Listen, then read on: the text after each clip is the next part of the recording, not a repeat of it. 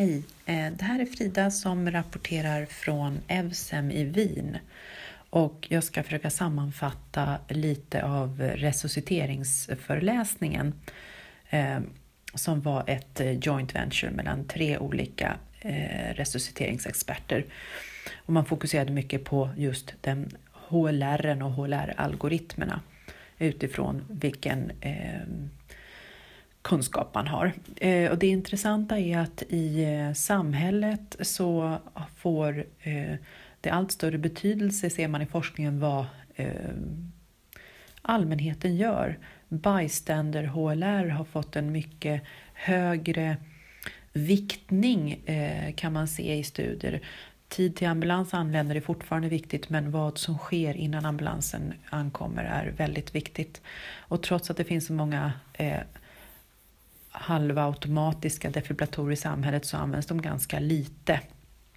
Det som också finns som hjälp nu för tiden är ju IT för att kunna identifiera var det finns eh, dels AED men också eh, hur man kan hitta tränad, eh, folk som är tränade i HLR.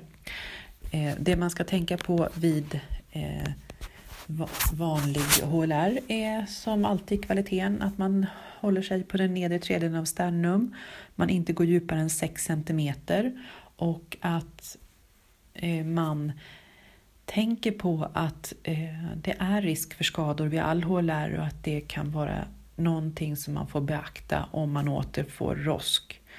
Vikten av att inte ha några avbrott poängterades. Att man ska se till att byta ofta, särskilt om patienterna är obesa.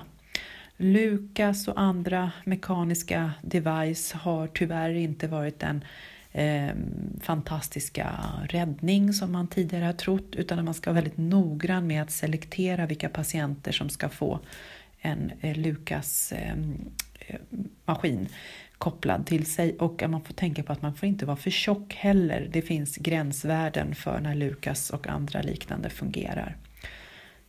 Man har också gjort en hel del studier på eh, team, hur team bör vara sammansatta vid HLR och eh, minimum är sju personer, men någonstans runt 8-9 är ganska optimalt. Och det här är rätt intressant eh, när vi jobbar, hur många vi tycker att vi behöver vara om det är en optimal mängd personer eller inte. Nästa år kommer man att komma med nya guidelines för airway management eh, vid hjärtstopp. Och så sa man väldigt kort om ultraljud, att det har tyvärr inte varit heller den framgångsfaktor man tror att, trodde att det skulle vara, utan att det har mest fallit ut i beslut om man ska avbryta HLR. Eh, när det gäller ROSK så är det så att tyvärr dör 70-80% av de patienter som får ROSK på akuten. Eh, men om man väl lyckas få någon att överleva så är måltemperaturen jätteviktig och här har ju tyvärr inte heller kylning visat sig vara så eh, sån enkel framgångsfaktor som man trodde och det kan bero på att det kommer in alldeles för sent i förloppet. Den inflammatoriska responsen sker redan direkt när hjärtstoppet inträder. Men eh, vid är det också viktigt att beakta hemodynamik, oxygenering, ventilation, överväga ECMO om man har tillgång till det och även glykemisk kontroll. PCI ska man vara allt mer liberal med. Det finns i nuvarande, har funnits i guidelines att man kan vänta upp till 24 timmar om patienten inte har eh, ST-höjningar. Men detta ska man vara väldigt eh, liberal med att erbjuda eftersom ett eh, post-ROSK-EKG inte predikt, kan så väl prediktera hur, hur väl patienten behöver en PCI eller inte, så man ska vara mer liberal med det. Och så pratar man lite också om hjärtstopp hos gravida. Vänster sidoläge 30 grader. Blödning är väldigt vanlig orsak till hjärtstopp hos gravida och det måste man ha i åtanke. Handpositionen ska vara högre upp på sternum än normalt och man ska manuellt flytta ner uterus. Defibrilleringar sker som vanligt. Man ska tänka på att airway är svårare att hantera och man rekommenderar videolaryngoskop. PVK ska sitta i övre extremiteter.